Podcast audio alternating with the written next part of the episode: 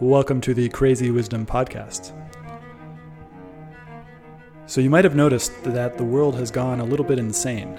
Um, and to get through this in a way that is sustainable and maybe even joyous, we are going to have to find some crazy wisdom, uh, which is why I named the podcast Crazy Wisdom. And I try to find guests who are both contrarian and right, uh, as well as people who can help us to understand how we can get through this period of both acceleration as technology accelerates and maybe even a little bit of darkness uh, as well as some of you may have been noticing really crazy stuff is happening right now. So um, my goal with this show is to empower you with crazy wisdom uh, and give you the tools to figure out how to do it on yourself because we don't can't rely on too much these days uh, so, with that being said, if you like what I'm offering with this show, I'm on Twitter at Stewart Alsop III. My DMs are open. I'd love to hear from you about how this show has affected you. Thanks. Have a great day. So, welcome to the Crazy Wisdom podcast. My guest today is Ray Alejandro, and he is uh, the Access to Finance leader at Endeavor, which is the largest accelerator in Latin America. And he's also a dropout, which we are going to talk about. But now he's gone back and started to study philosophy. So, I have a feeling that this is going to be a really good uh, conversation. Welcome to the show. Thank you, Stewart. Yeah. So, so excited to be here. Very cool. And I just want to explain more to my audience. Uh, Ray uh, uh, found me on Twitter, and he has been helping me set up in, um, uh, inter- interviews here. And I was like, I always like interviewing people, the people who, who like just helping people.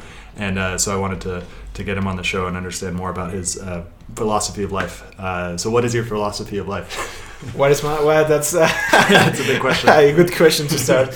Um, yeah, that's interesting. So I think that I one of my main fundamental beliefs is that you can actually, you know, optimize for the stuff you want. Um, I actually attended a high school that, um, I mean, when I, while I was in high school, I, I had a lot of theory about psychology. Um, I don't know if you have heard about Martin Seligman, which is like the father of positive psychology. Mm. Um, I've heard about positive psychology, but I don't know. Yeah. yeah. Well, uh, the high school that I attended used to cover a lot of stuff from that, and so I actually that was pretty defining actually because I left my house when I was 14 years old.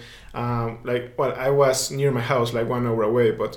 Uh, it was i mean i started living alone with a roomie mm. at a very young age mm.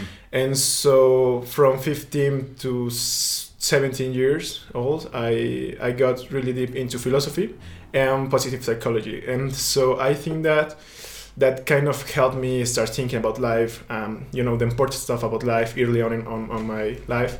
Um, I don't know if you have if I have a defined philosophy of life, but but I think that yeah, I have some fundamental beliefs around that. Uh-huh. And so, for example, one of them is that you can actually you should actually try to optimize for stuff. Um, and it, obviously this this changes uh, as, as you move forward your life in your life but i think that you can actually optimize for stuff and that you have to have like certain objectives and, and key metrics you know to, to, you, you should try to optimize for those for those stuff. For mm-hmm. example um, and yeah i think that's that's one. And, and one another example is the reason why i drop out for example. I for for me it's all about first principles and, and thinking as a philosopher undergrad it's all about rethinking stuff. And so for me, education happens to be an important and really important uh, theme in general. And so, for example, in, in my case, I I wanted to optimize my education and, and the way I learn things. Your vocation. Yeah. Uh, your job, essentially, the way the way you make money, or the way. No, no, no. My education in terms of what I learn and, oh, okay. and how I get you know trained from doing stuff or achieving stuff. Um, and this is important because maybe if you, I mean, if you, I think that what makes life meaning is is the fact that we are not here forever, you know. Mm-hmm. Um, and so once that you acknowledge that you don't have um, a lot of time and you have a limited existence, you need to prioritize the stuff you want to achieve and, and what you want to do with your life, of mm-hmm. course. And so, and this is extremely important in emerging markets, for example, because I think that in emerging markets you have actually ramp up periods or periods of time that you actually you, you have limited periods of time to actually being able to do learn and, and achieve stuff. Uh, if not life gets really complex. Um, and, oh that's really interesting because that's a point because in the us uh, uh, uh, you know we're given many many different chances. Uh, essentially you can go to city college and, Yeah. uh, you know when you're 40 and essentially get that education.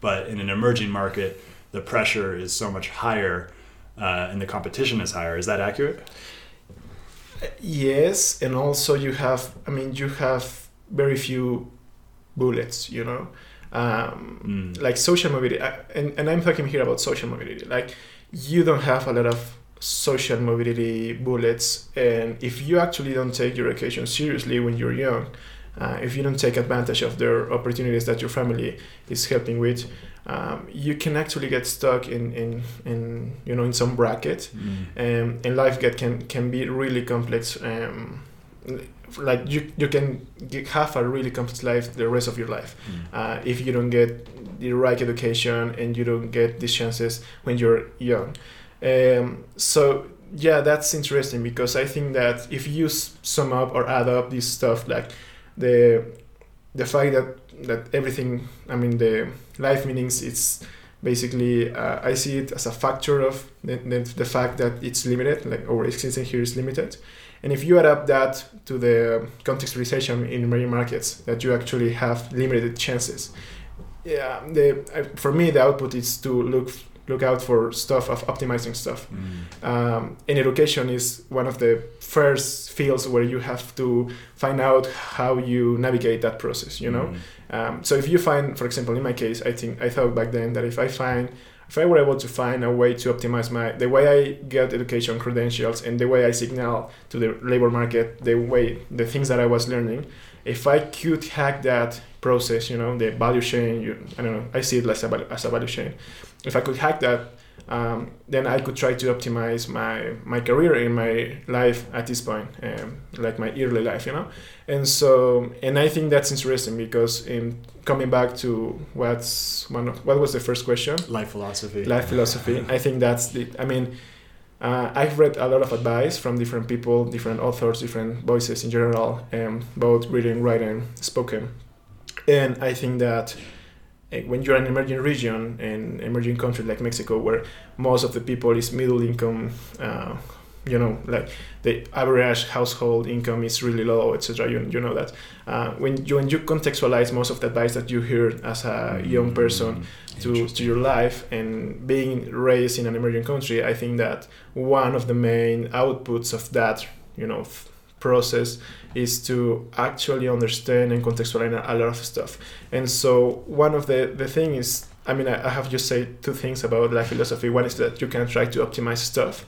The second one is that everything, I mean, all the meaning of life is related to the fact that it's limited, our existence is limited.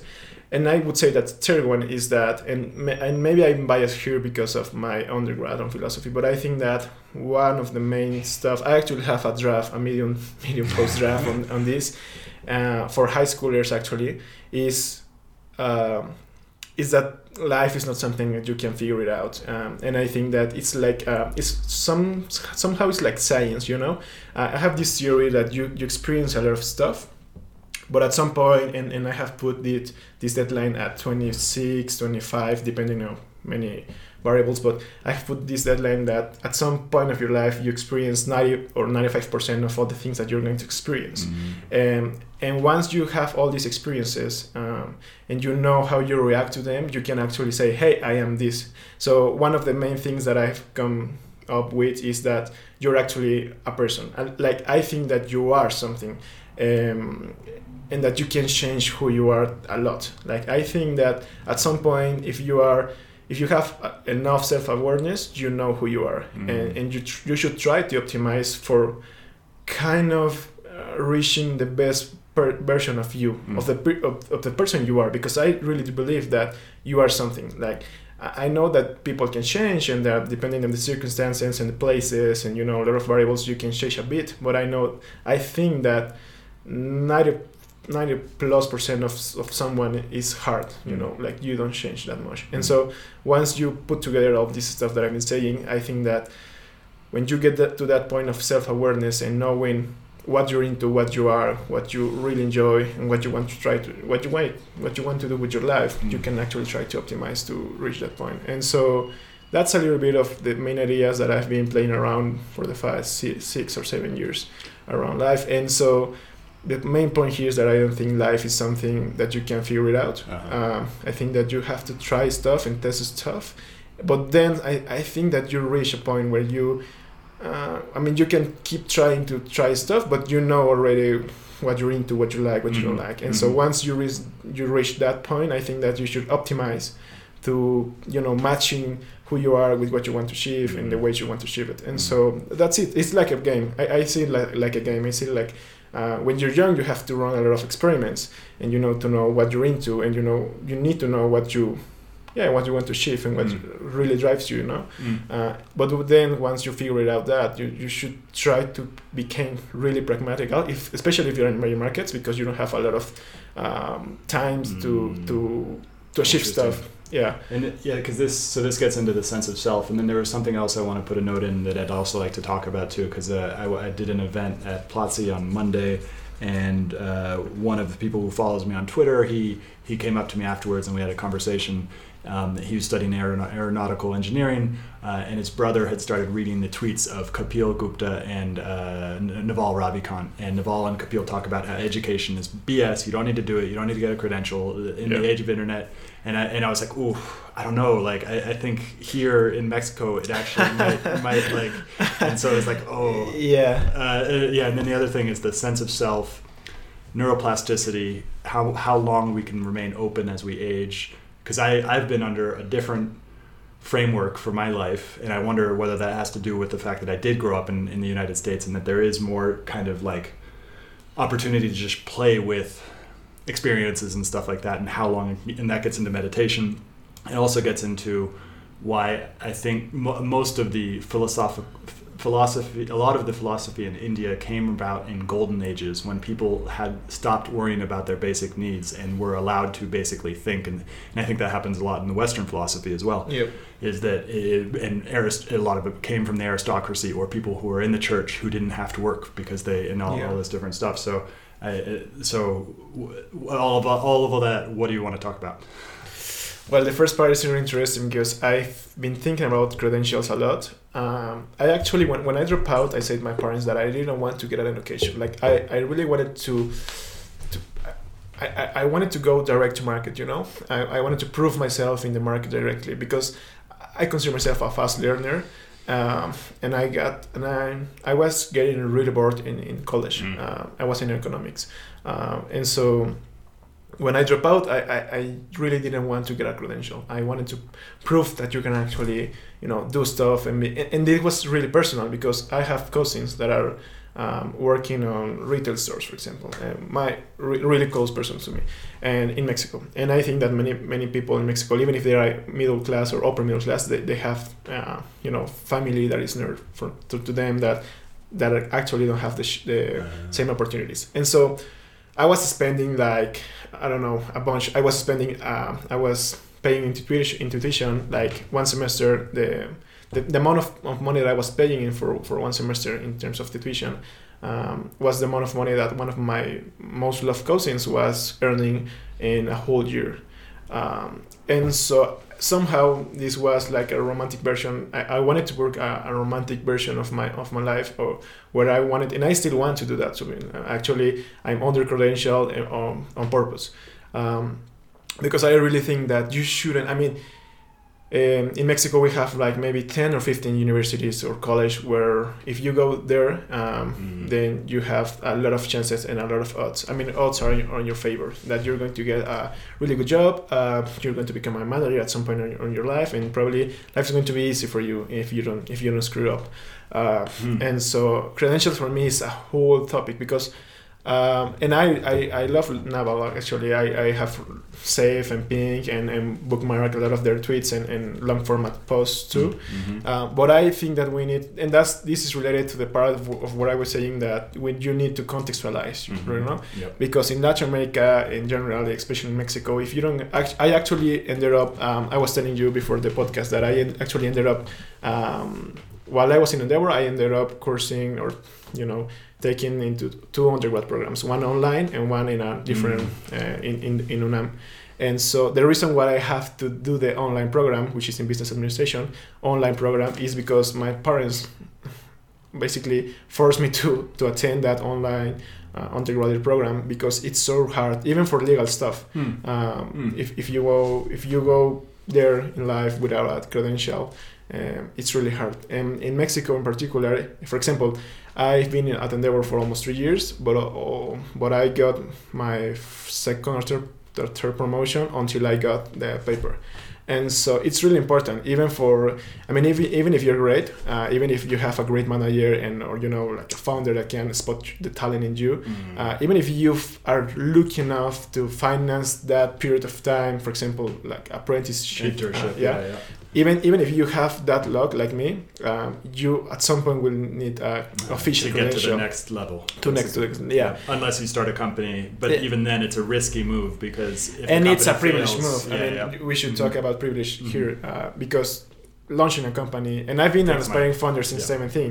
Uh, the reason, one of the main reasons why I dropped out is because I wanted to launch something, you know. And so, and but even launching a company, it's really, really hard. Uh, like there's a lot of, I mean, you know this, but there's a lot of pattern matching Mm. um, like in every other place. And it's kind of, I mean, I get it because, and, and you need pattern matching in your credentials. When you know, when you don't know someone, you need like some something. system, yeah, Yeah. To figure out if they are reliable or not. You know. I make fun of I make fun of YC uh, being a new credential, but then you know, in order to do this podcast and go out, I looked at YC, which founders had gone through YC, and then I reached out to them. Yeah, basically. and uh, yeah, that's it. That's Yeah. how it works. Yeah. And and I think there's a huge opportunity in the way. Actually, I've been.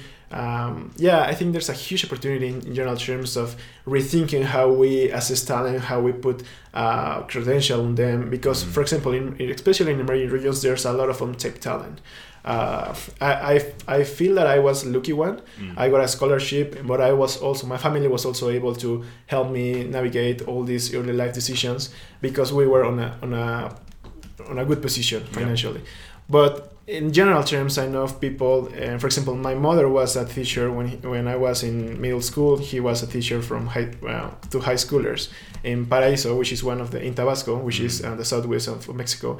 And and I back then I, I knew and I met some some really in- intelligent people that just didn't get the chances and and and that's I mean in many areas this is very clear that you should it's like for example in I think that in more developed markets in more developed markets you can it's like a nice to have like Mhm. you know there's there are problems but if people don't find a way to rethink credentials like it's not something urgent but in emerging regions it is. Because you are like most people don't even have the chance to get prepared or you know to study the required hours to to take an exam to to, to their college admission.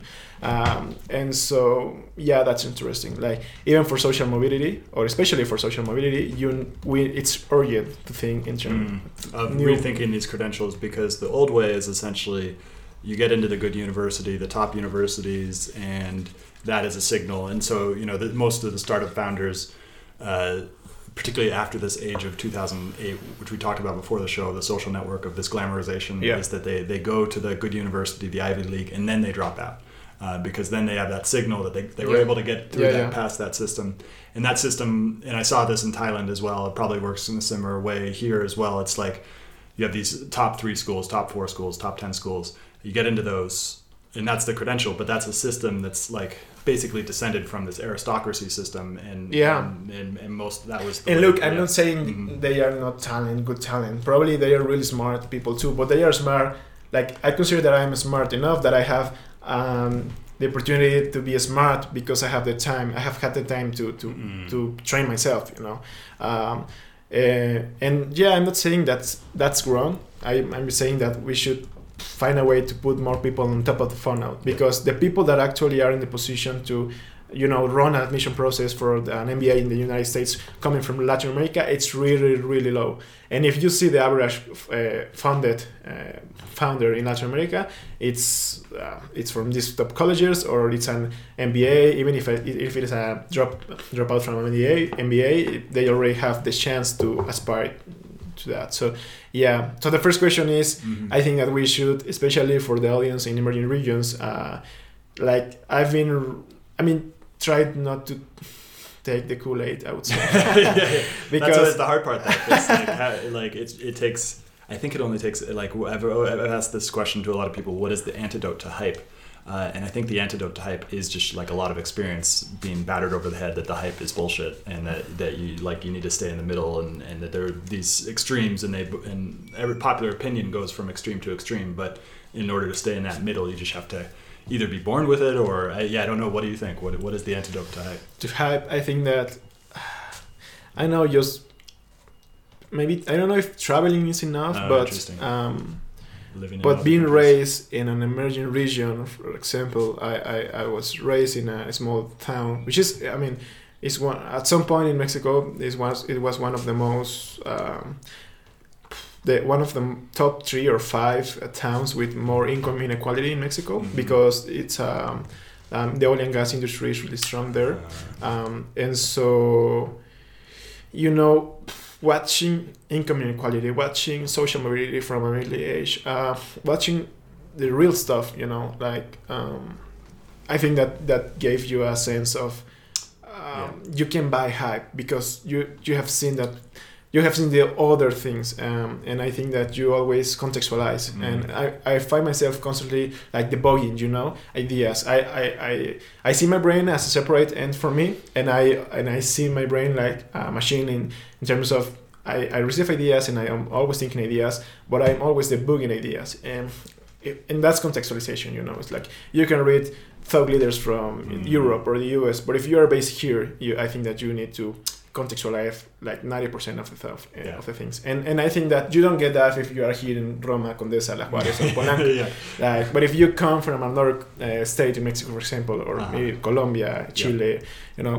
um, that makes the whole thing easier like it's part of you And that has been my experience in because coming from San Francisco and now San Francisco, it's I mean, because when you're in San Francisco, you, most of the time, and you're in, in the same socioeconomic class that I am, you're only hanging out with other tech people, and yeah mo- most of them have gone to the best schools. It's the highly most highly educated city in this in the in the country.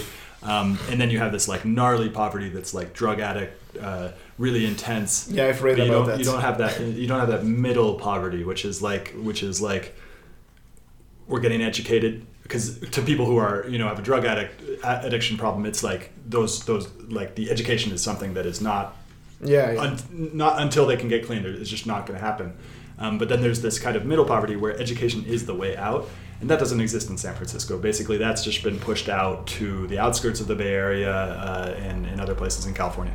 Um, and then, so coming to in Colombia, I saw it a lot in Medellin, where just, I would talk with taxi drivers, I would talk with people who are in this kind of in, in this place, and it just allows me to kind of step back and understand where, what what is actually going on in the world for most people on the, on the planet, um, and that's really helpful for me uh, in order to understand where we're going as a, as a species and like and also like I think most of the opportunity is going to come from people who are in this middle uh, uh, middle income kind of bracket who are going to like go up to that next level of education as well.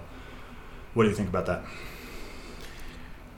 Yeah and i'm thinking this in terms of economic theory Uh huh. as a precisely uh, i mean it's true i think that um, there's a lot of untapped talent there uh, i've seen it personally and yeah um, i think that the best example of this or the best answer is right now i don't know if it is glo- i think it's a global movement Mm. but especially right now in mexico we're talking about a, a lot about um, women um, and how we should um, i mean even having this conversation about if we should embrace women and, and you know keep barriers it's like kind of dumb at this point of the yeah, of i mean the year we're um, but we're having this conversation about women and how we how we need to rethink the way we think about women and how we actually embrace um, not just women itself but uh, you know like the whole stuff around women and, and Uh-huh. how we should rethink the systems and, and the, and the, the you know the missions and the way we think about them and and I think that if we're having this conversation um, and it's good and it's in I mean we we shouldn't even have it we should even be talking about this anymore because Oh. it's like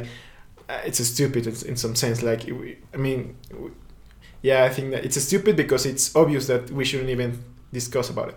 But we're having it because there are, I would say, women with enough power or audience or influence that are leading the conversation or that at least are uh, maintaining the conversation in, in the spotlights. Um, the thing with the social mobility and, and the middle income class and, and you know all these people that is stuck in some income bracket is that I mean for me it's an important more important movement. It's like way way way more important. The thing is that they don't have like this I mean they don't have this power obviously. They don't have these Yeah. leading voices. Yeah. and so if you think about it it's like for me if i could if i would if i should try to optimize for example to for um, for a movement i i wouldn't support um, the women movement. And not because i'm not i mean I'm, I'm just saying that in terms of metrics and impact it's obviously more important to support all these people that is um, that don't, don't even have the these leading voices you know because they haven't been able they haven't had the chance to even aspire to positions positions of power or influence. So and when you measure that um, by by numbers it's Mm. it's crazy it's real Yeah. and so that's like a, i don't know if, It's if you there's get a, there's a, yeah, no, I get your point. It's it's essentially the like what's going on with the the intersectional feminist movement is essentially a um, a power transfer from the most highly powerful men to the most highly powerful women. Um, Yeah. And then essentially there's this whole other thing, the socioeconomic thing, which Yeah. is like like way bigger. And I actually honestly think is go- just like a, as a natural course of the populist movement is is is going to um, lead us to a place where a lot of the elites And look, in Yeah, that, yeah, And, and and it's not, it's not like we haven't thought about it. Um, I think Latin America, if you see Latin America countries' history, most of them, I mean, right now, like right now, we're having a lot of, um, I don't know, conversations around this, but. Mm. And, and, and you can see this in the political field, uh, like real, it's really clear. Um, but I don't know if that's the that has been the right approach. You Mm. know, um, God, yeah, like it's it's economic. Like I still believe it's economic growth, and that's the issue. Is that yeah, is exactly. what we're what we're heading into is not not a, not going to be supportive of economic growth, and it's Yeah. going to be supportive of like yeah, and maybe I, down I- the system. just to contextualize, Yeah. I'm, I'm wrong because we have actually have um, we historically in North America we have actually had these leading voices, Mm. but they have been uh, they have been influenced by political uh, stuff, Yeah. and so they have been social leaders with political at the end of the day with political agendas, and so that has made the whole thing um, like rare, you know, weird in real. So so yeah, but I, I you get the point. hmm Yeah, it's it's really tricky because it's like it's so weird how we're as we are right now. We're in the like a golden age, but nobody feels like we're in a golden age. Everybody feels like we're in a we're we're in like we're, we're stuck, and I feel like it's going to be a negative cycle where it's like the the reality is we're in a golden age, and people have had more than they've ever had materially, uh, and then we but because of this kind of social media relative thing, we also see that it's crazy inequality, um, and there is huge inequality as well. But the whole pie is much bigger, and then now it's going to kind of be a self fulfilling prophecy where we basically we see that we're having a lot of issues and stuff like that, and then we're going to actually create these uh, issues as well. What do you think? That's true. I mean, I'm right now thinking again in terms of economic theory. Like Thomas Piketty has been talking about this for a while, um, and and it's true. I mean, the thing is, we are living in a in a, in a golden age. That's no doubt. Um, well, no doubt for me because I have seen people that actually don't believe that, but but I think it's true. And When you Mhm. when you measure by certain metrics, it's true. Um, and so, yeah, I think that we're living in a golden age. Inequality is a huge, huge, huge thing. Um, and it's kind of funny, to be honest. Like, I don't know what to expect from this century because Mm. it's crazy. Like, yeah, I don't know what to expect. Like, yesterday you saw the, this Jeff Bezos thing announcing a 10 billion fund for climate change. And from, for one, I mean, from one side, you're seeing like really bold bets uh, in trying to you know like move the needle in, in this century in, in trying to do really important stuff but at the other in the other you know in the other hand you are seeing the same basic problems in, in many countries and emerging regions Uh, um, and and it's like a time travel uh, when you go Yeah. to a yeah. and I, I know you have experienced this bef- well way better than me because it's like a time travel. Sometimes you go some somewhere in, in I have experience in Latin America and Mexico, but sometimes you go somewhere and it's like a time travel. Like you just can't like match how how different. It's literally a time travel. Like from from one side you are reading about you know the biggest and craziest bets. Um, that humanity have have faced, and and on the other side you're seeing the same stuff that have been happening. It's like the natural state, you know, Yeah. like where where everything hasn't changed. No, like nothing changed. yeah. It is, I love talking about this too because it's like I, I, I like to spend most of my time in nature, but then I also have this kind of like a love of big cities and all everything that's happening in big cities. And you go to San Francisco.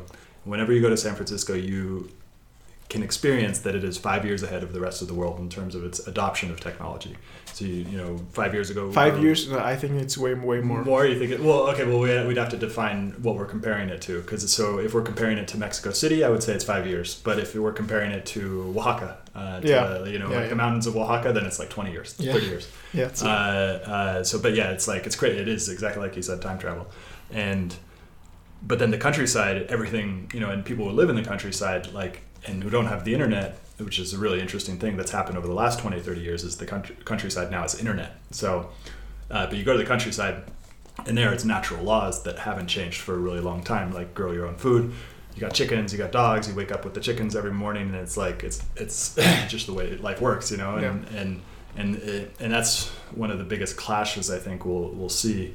And I think like remote work is an interesting thing because you know with remote work with the internet in the countryside, you can go live in the countryside, and cities are going to have huge problems, particularly in emerging economies with pollution and all these other things, like which is taking off like ten years of people's life expectancy just living in a city. Um, and so, in particular, in emerging economies like Lagos, Nigeria, is is is going to be one of the most interesting cities in the world for its creativity ability and, and like it's it's but then the pollution side of it will make everybody like and this has been happening in China for a long time now is like people with money in China are leaving uh, you know they're going to the United States because they want a healthier life. Um, and they're the ones who have made it out basically so yeah this urbanization question is really what do you think about Mexico City what do you think are the the the the future in the next five to ten years of Mexico City Oh, that's an interesting question. Like, um, just to put things on perspective, we are the, if I'm not wrong, we're one of the top five uh, metropolis in, in, Mm. in worldwide. Um, we're like maybe top three largest city in Latin America, and we have like 20 million people in our metropolitan area, um, which is a lot of people. Um, I don't know. Like, I think that unfortunately, or I don't know, talking about growing the pie. Um, I mean, I'm too biased because my my, you know, my day to day it's it's it's biased by, by the fact that I'm dealing always with innovation entrepreneurs, Mm. uh, you know, pitches Mm. um, and, and new models and, and, and technology and you know all these like these San Francisco vibes, you know.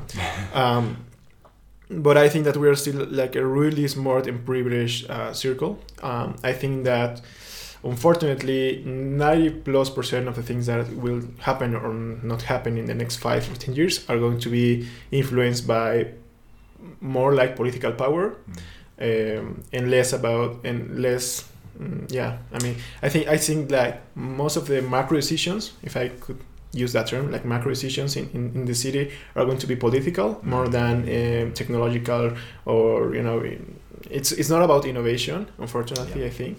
Uh, i have seen some companies even the largest companies like the companies uh, innovating with, with technology uh, in Mexico. Uh, I mean, the impact, the, the total impact in Mexico is really, really, really small. Even in, in, in the metropolitan area, it's really small.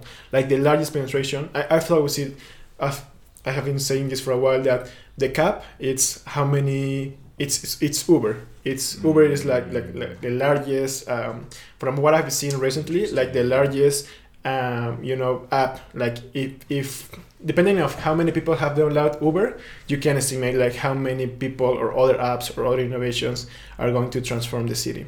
Like Uber have been, we are like the third or fourth most important city for Uber worldwide, um, Yeah. after Brazil, obviously. But we are really important for Uber. And but I see, but I see that's the cap. You know, um, Uber has been an amazing company, has changed the, the way we literally move for from from some for some people, not not all of them, obviously. Mhm. Um, but that's a cap. I think that uh, if you measure the impact that Uber have had in Mexico City or, or Brazil, you know, Sao Paulo, and you know, that's like the cap. I think that any other company innovating at any other space can can aspire to that, like that number of downloads, that number of impact, and then if you really see like how, like if you compare how Uber have changed the landscape, the mobility landscape in, in emerging regions, it it really doesn't. It really hasn't changed a lot, you know. Mm. Um, For some people, yes. Uh, for some income bracket, uh, and, and you, we need again we need to separate this from income brackets. Yeah.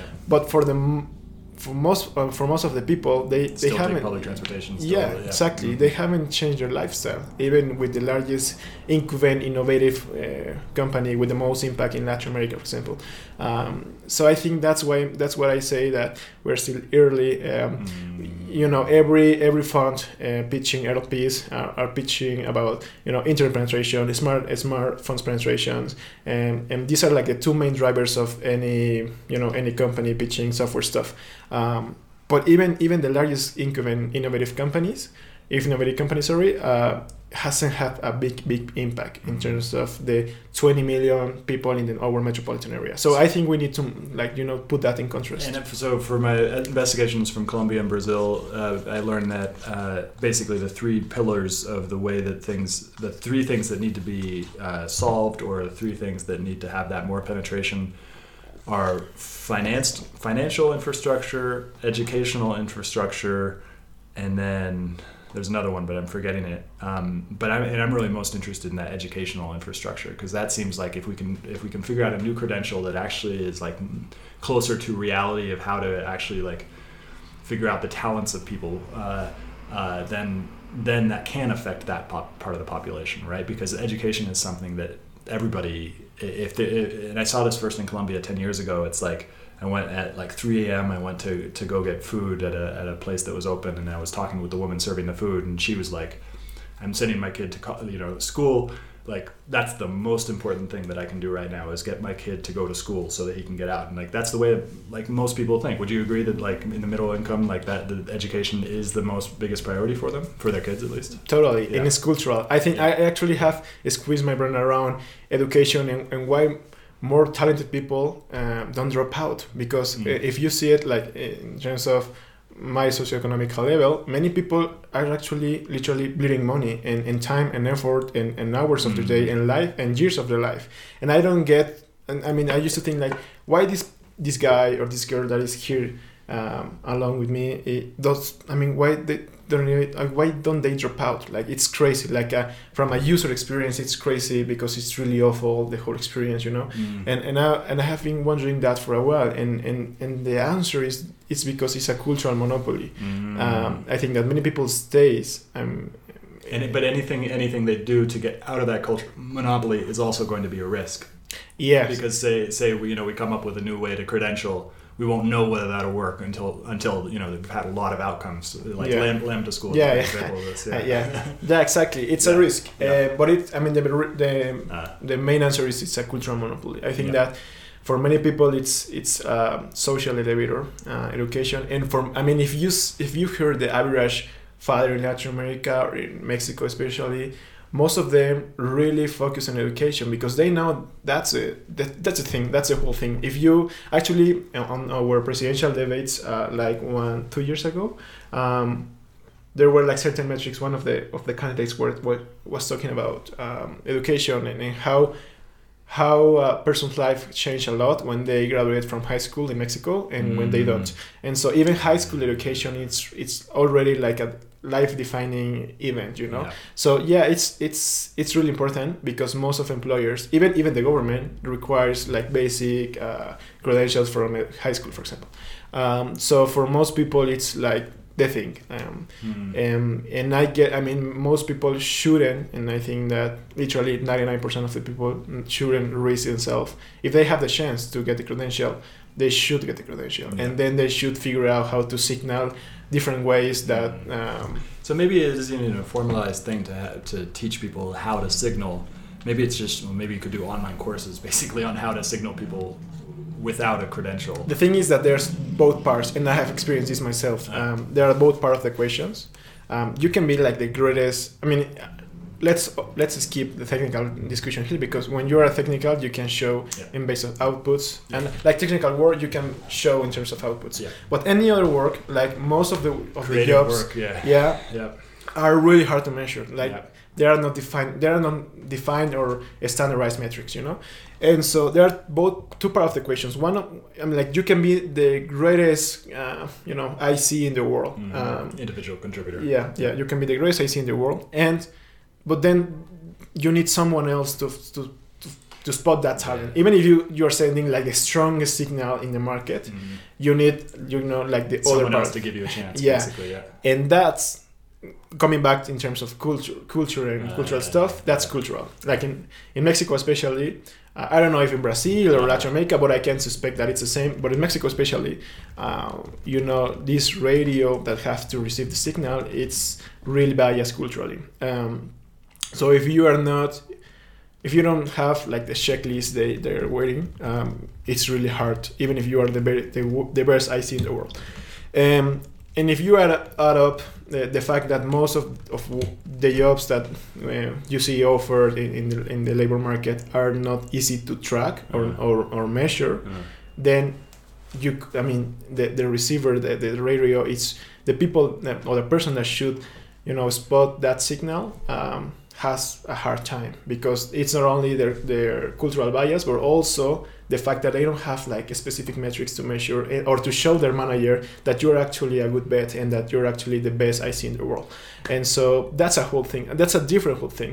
Um and so it's not only about signaling. It's not not so. It's not only about training or educating signaling. It's also about like how how can you hack the system? Yeah. You know. mhm. Um, to create the opportunity. yeah. It's because it's like you need to you need to first even come on their radar. uh, Using all these analogies of, of Yeah. like you like if there's somebody in a high position, and this is why a podcast is good. So if anybody's trying to figure this out, a podcast is a great way to do this because you can essentially uh, uh, get in touch with somebody just so you can they can know you and, and like kind of have a conversation with you and stuff like that. And that's that's one of the benefits I've found of of doing a podcast. So, um, but it's like you just have to get in there, which goes back to almost like a philosophical thing as well, because it's like, you know, here I am with my awareness, what I'm aware of. There are so many things outside of my awareness, and that's a really good thing because if I were aware of everything that was going on in this room right now, my brain would be overloaded, and then I'd be, you Yeah. know, I'd just be like in a, uh, in a stupefied state, which, like, and so that also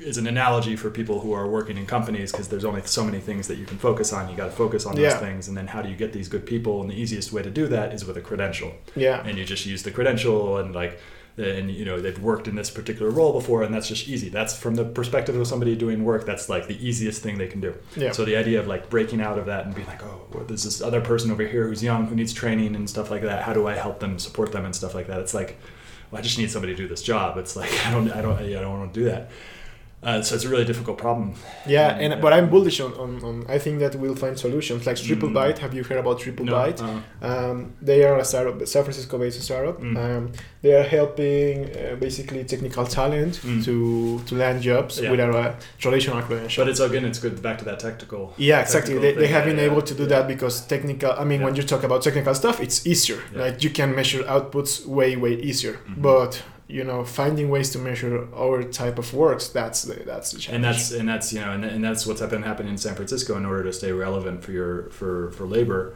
uh, for your ability to get a job people are becoming technical because it's because of this this this Yeah.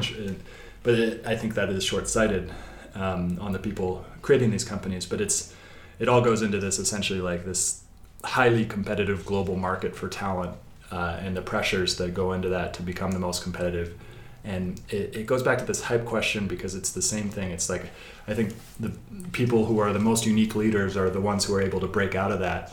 But most people aren't the unique leaders. The most of the most of the labor market is is standardized and to go back to this kind of this book the master and his emissary which talks about the difference between the right brain and the left brain from a neuroscientist and a clinic, clinician. Uh, our culture is very much left brained. We're breaking it down into categories. We're trying to find the utility of everything that we're doing. Um, but the right brain is the more holistic. We're getting a whole sense of what's really happening. Uh, and you need both. You, you, but our, our culture is becoming so utilitarian, so functional, so like show me show me what it is actually here we're doing. Uh, but we need this other side, which is the more philosophical side, which is the more kind of like, well, what does this mean from from this view? And there's one particular thing I want to get out, which I've been trying to figure out how to express, which is like anytime that you work with anybody, anytime that you tr- get a, a trainer, any anytime that you get into a mentorship relationship with anybody, uh, you aren't learning a technique from them. You're learning a worldview, and this is actually what I've been doing with this pod. What I figured out with this podcast is that I really love, you know, like getting into your worldview so that I can understand what are your techniques and where they stem from? Because it always for all of us there's always a hierarchy in meaning. Yeah. And that meaning comes from like what have we figured out? And it's not always like it's not always obvious to our rational brain what exactly we're doing. There's a whole bunch of intuition and a whole bunch of other stuff. But then all the techniques that we're learning for example i just went to a trainer today a physical trainer and i was learning body uh, i was learning weightlifting from him. And it's really important. So like i'll go deep into this analogy. There's uh, for the last 50 years, we've had an understanding of the human body that's based on machines. So we so we think about the human body based on it as if it were a machine. uh, the last 20 years, we've uh, with Buckminster Fuller, he developed a new way to look at what's going on in the body called biotensegrity. Um, which is not a machine. Uh, it's more based on life structures and stuff. And now they've started building machines based on this biotensegrity model, and that and that basically says is that the spine itself is not a rod, a mechanical rod that is stiff, and I'm going to hold this up. It's more it's a distributed weight throughout the body, and most people don't understand that, particularly people who are in.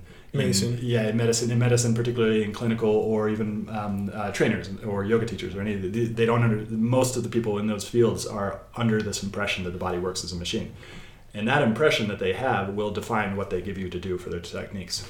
But then once I've been learning this other one, it's like opened up this just like vast universe of yeah, it's like a paradigm yeah. shift. Ex- paradigm, exactly. Yeah, yeah, yeah, yeah.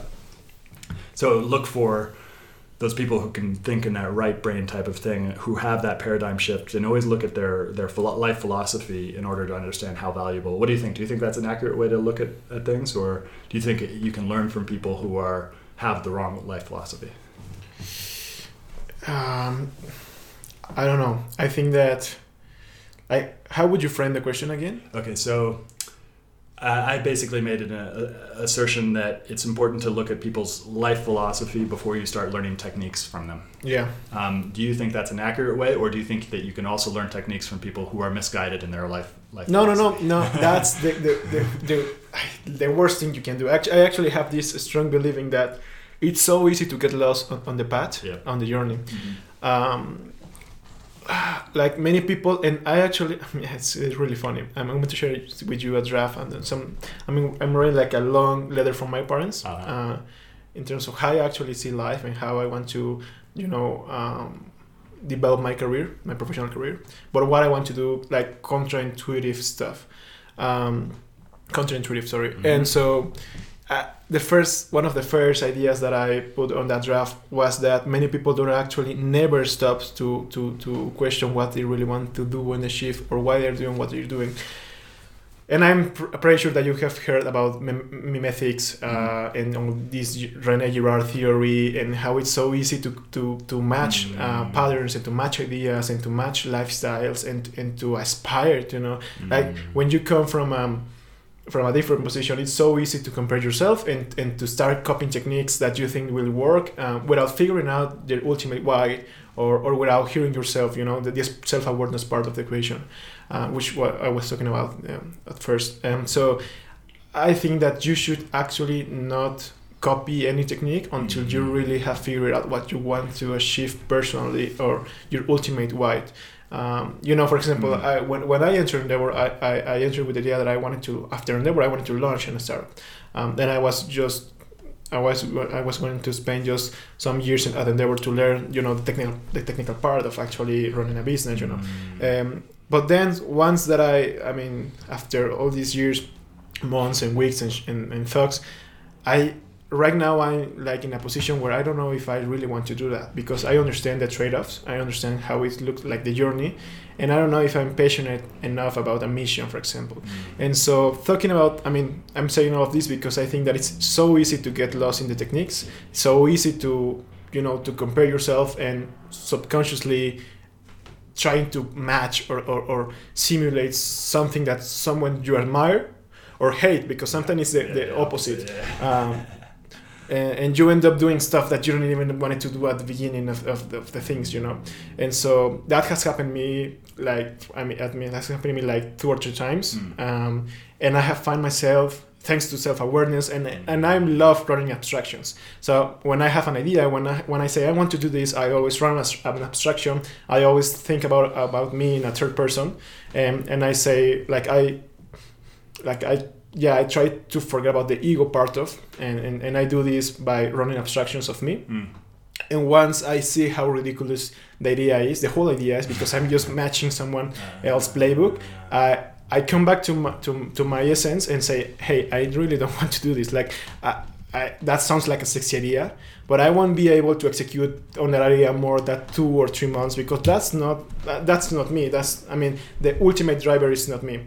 So, and this is not an easy question. I mean, the, the, the answer is not easy because obviously, I think that the reason why so many people can get lost on, on, on life, I mean, because I love this phrase about Sam Altman that Mm. decades are short, but days are long. Mm. Um, the, the reason that you can literally spend your whole life doing other stuff that you really want to do is because it's so easy to copy stuff.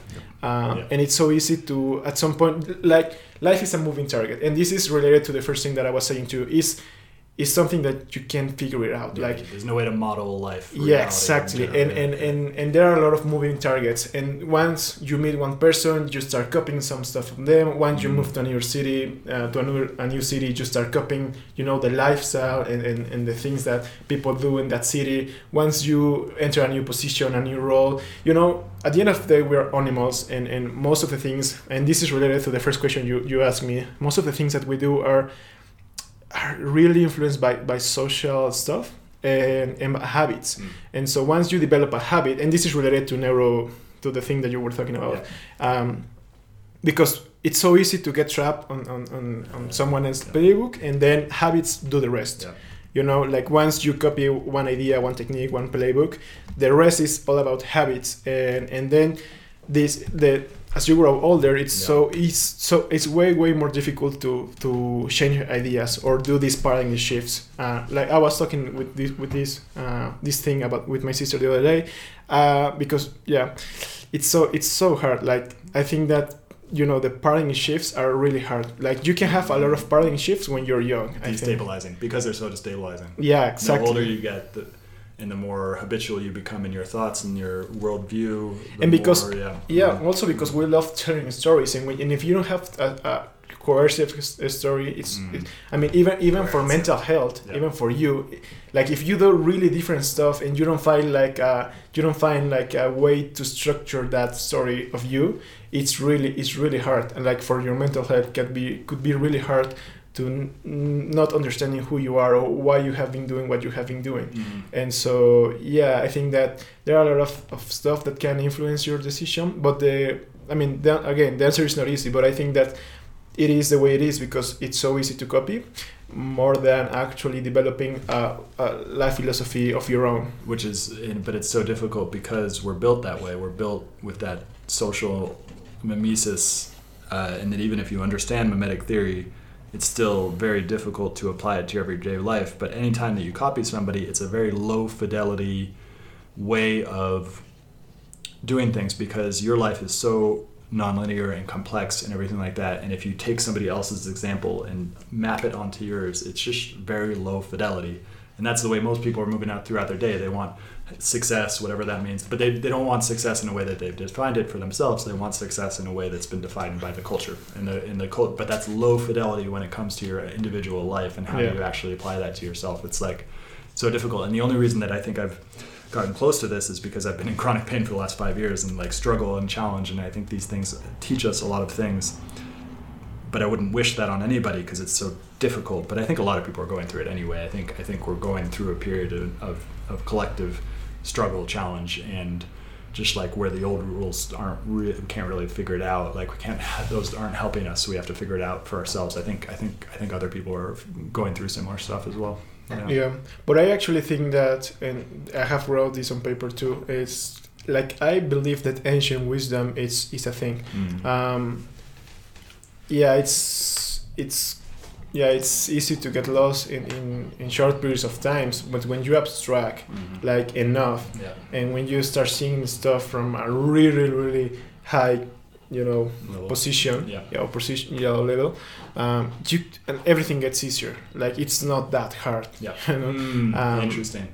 Yeah, and that's that's the thing. That's the thing. The, the thing that's been the most helpful for me in this in the in this period of challenge and struggle is the more that I do that third person thing. And this is actually a, tip I got from John Vervaeke, who does this amazing YouTube channel, uh, Awakening from the Meaning Crisis, which you, I think you would you would really like, and I a think lot of listeners, you've, yeah. you've, yeah, you've gone through. And so he talks about if you want to get somebody out of pain or if you want to get somebody out of struggle, ask them to reframe their issue or position in a third person. So ask them to say, so instead of I'm in a lot of pain right now, I would say, oh, Stewart is in a lot of pain.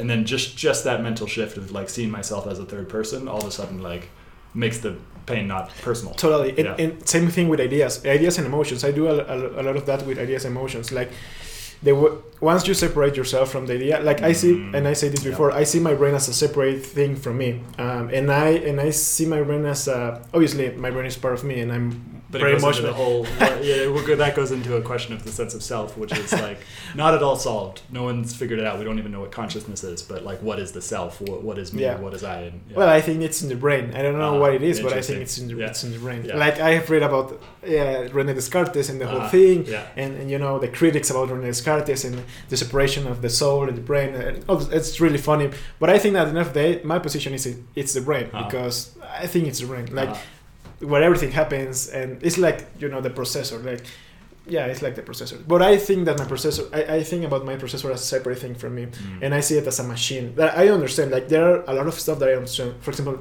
this is really useful in terms of emotions. When I have uh, a lot of emotions that I just can't process because because I don't even have I don't, I don't even know how to name those emotions. Mm, mm. I I, Yeah. I try to separate myself and I say like.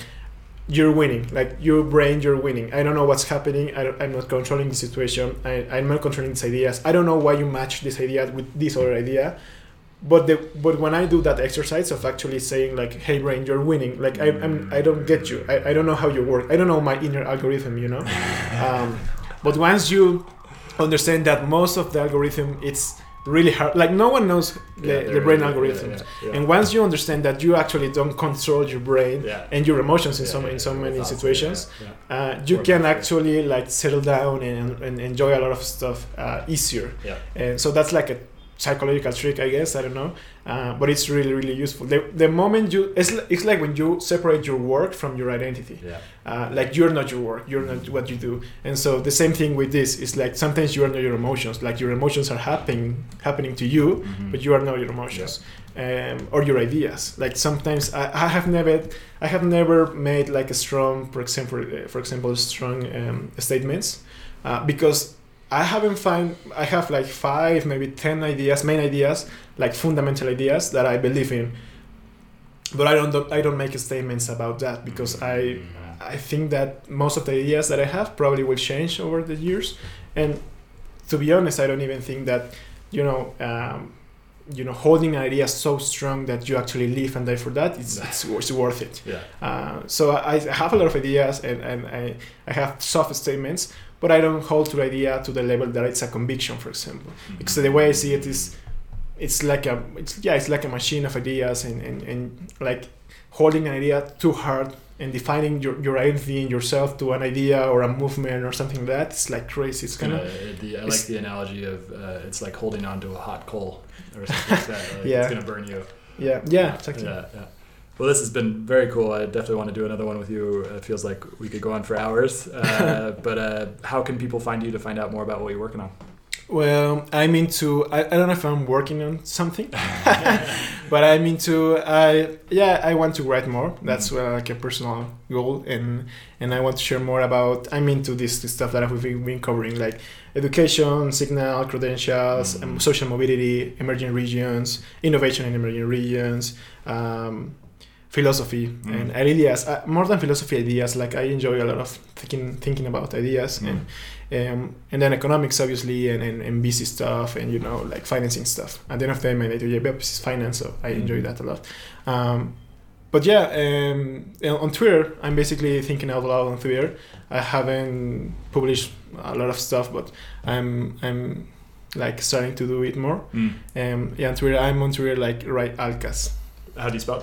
Ray Alcas Uh, but how do you spell it? uh, R A Y A L C A S Cool. Is Yeah. that the same on Medium too? Or are you on that on Medium? uh, I haven't published anything on Medium but it's the Ah. same yeah okay, cool. Well, thank you so much for the show. coming on no the thank show. you Stu it was really really great conversation Cool. Hope you enjoyed this episode.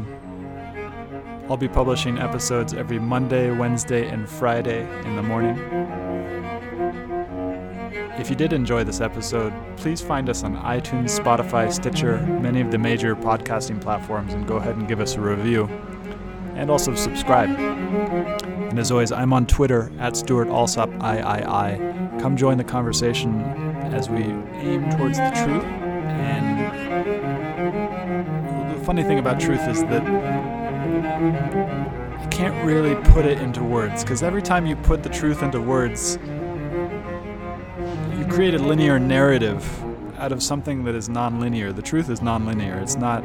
It's. It's. If you really recognize the truth right now, your mind wouldn't know what to do. It'd be overwhelmed by beauty, and pain, or it's. It's something that is beyond our linguistic capability to represent. But that doesn't mean that the language isn't helpful. Language can point us in the direct right direction, but it's it's not it's not the truth itself. And so come join this collective inquiry into the truth.